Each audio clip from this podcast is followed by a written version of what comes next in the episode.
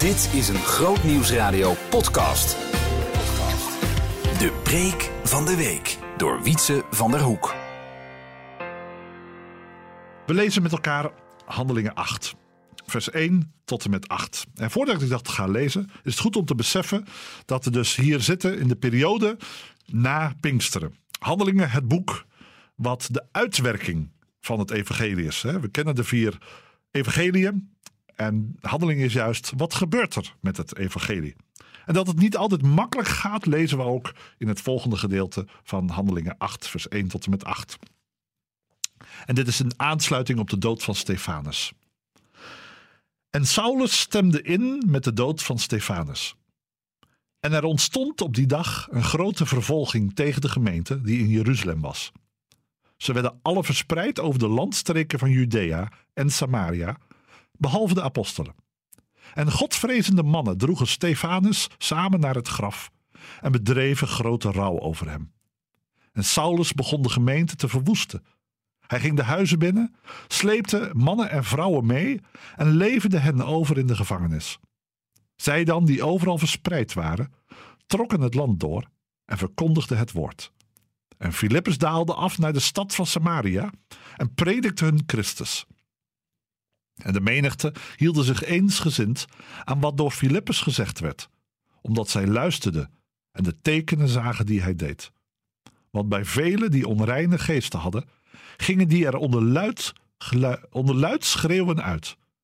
En vele verlamden, sorry, en veel verlamden en kreupelen werden genezen. En er ontstond grote blijdschap in die stad. Het is voor mij denk ik een jaar of 18 geleden.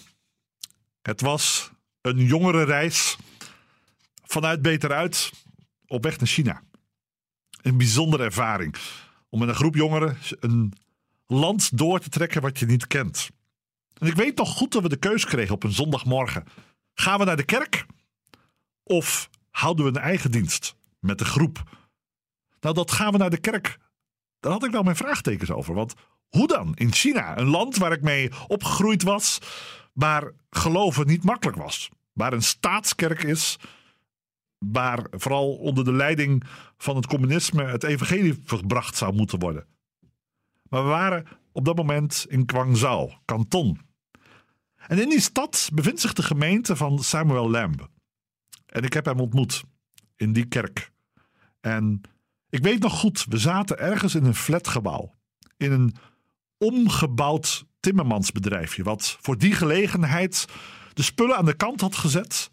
En een paar klapstoeltjes en houten bankjes. En samen daar met tientallen gelovigen zaten naar een scherm te kijken. Ergens in dat gebouw stond dan dominee Samuel Lamb. Een bijzondere man.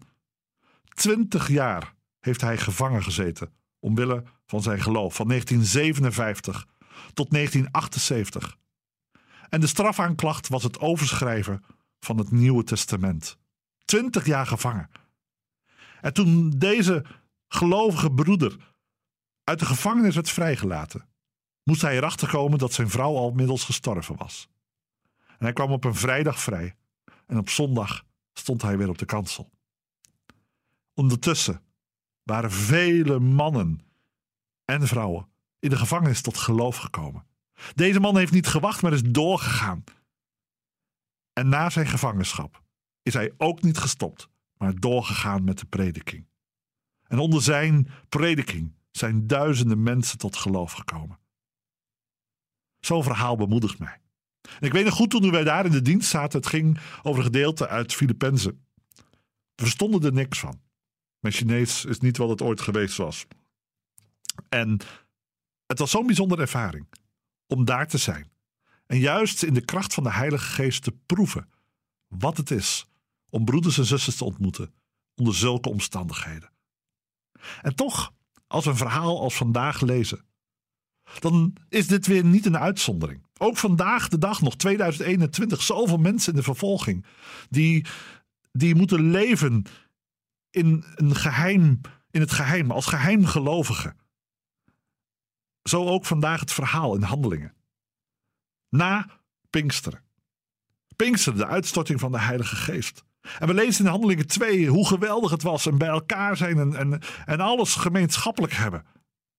Maar in deze context zien we de schaduwzijde. Alhoewel, schaduwzijde? Het is nog maar de vraag. Want het verhaal wat we net hebben gelezen is wat er gebeurde na de dood van Stefanus. Stefanus, de eerste martelaar. Hij predikte het evangelie. Buiten, aan mensen. Aan de schriftgeleerden. Maar de mensen waren zo boos dat ze hem hebben gestenigd. En dan zien we wat er gebeurt.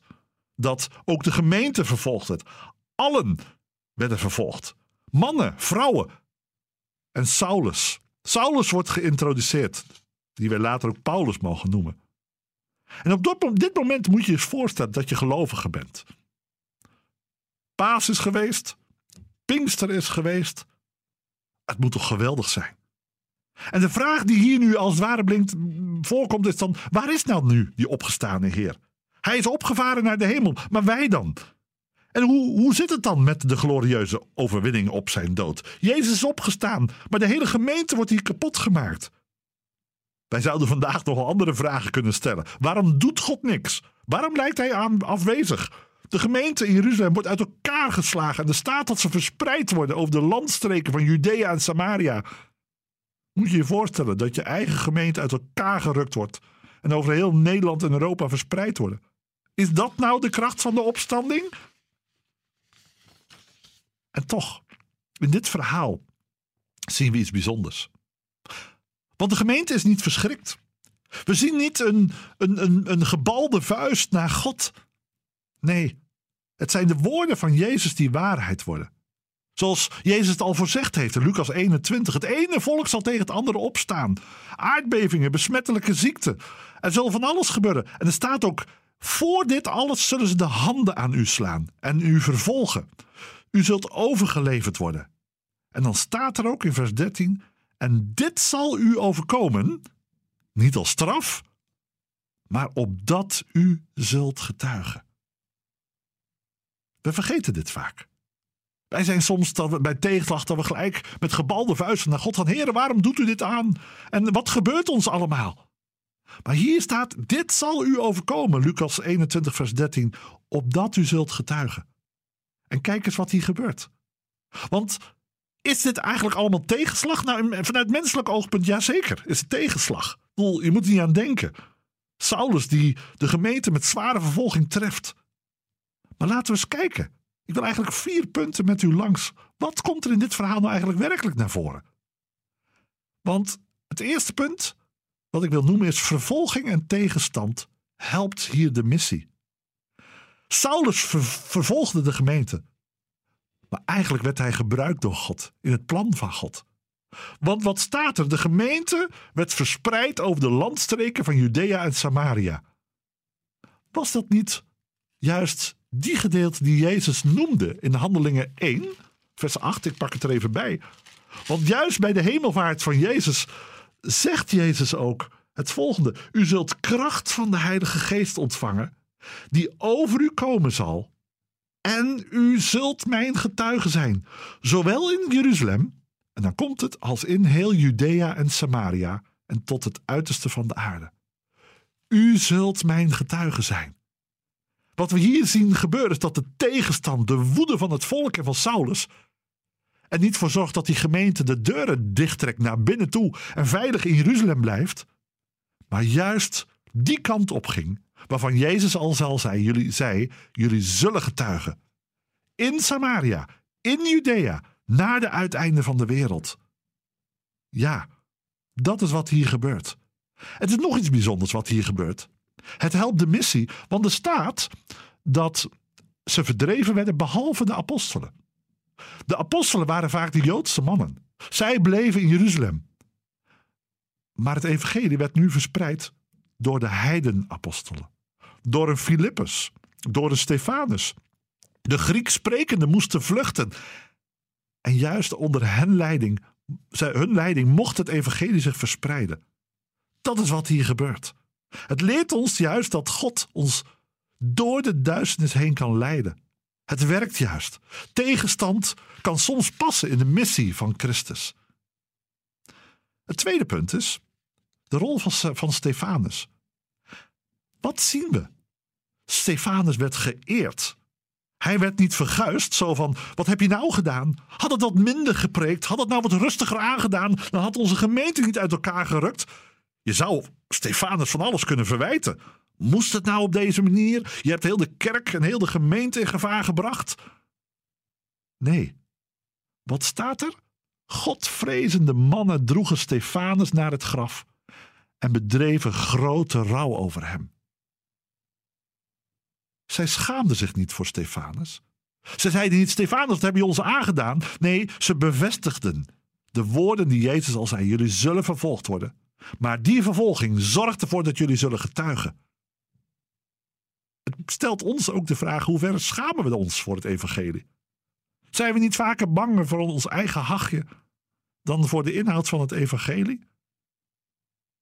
De vroege gelovigen droegen Stefanus naar het graf en ze bedreven grote rouw. Hij werd niet verguisd. Er werd hem niet verweten, ben je te hard, ben. Nee, hij werd geëerd. Het derde punt wat we zien uit dit prachtige gedeelte.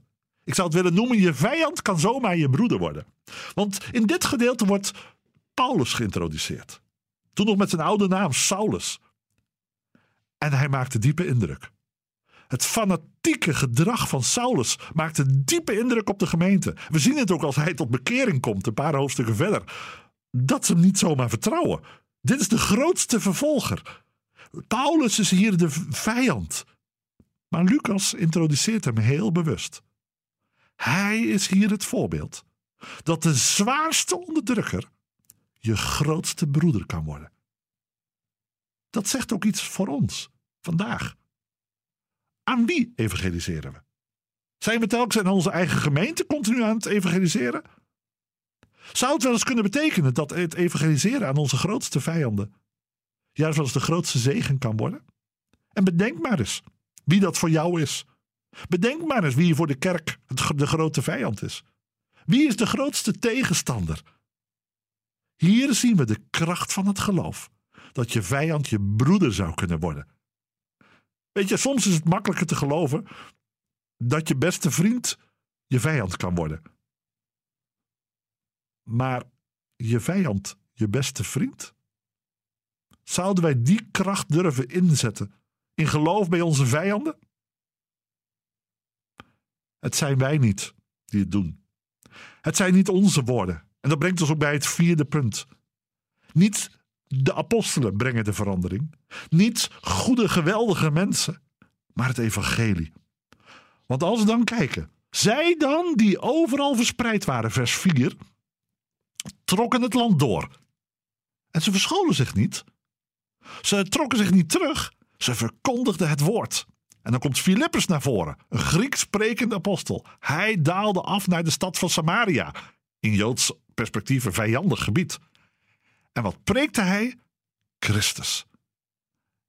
En daar zien we verandering. Het woord wordt verkondigd. Geen verklaring van wat we doen. Geen aanpassingsfeestjes of schoolclubs om, om, om leuk te willen gevonden worden door de buurt.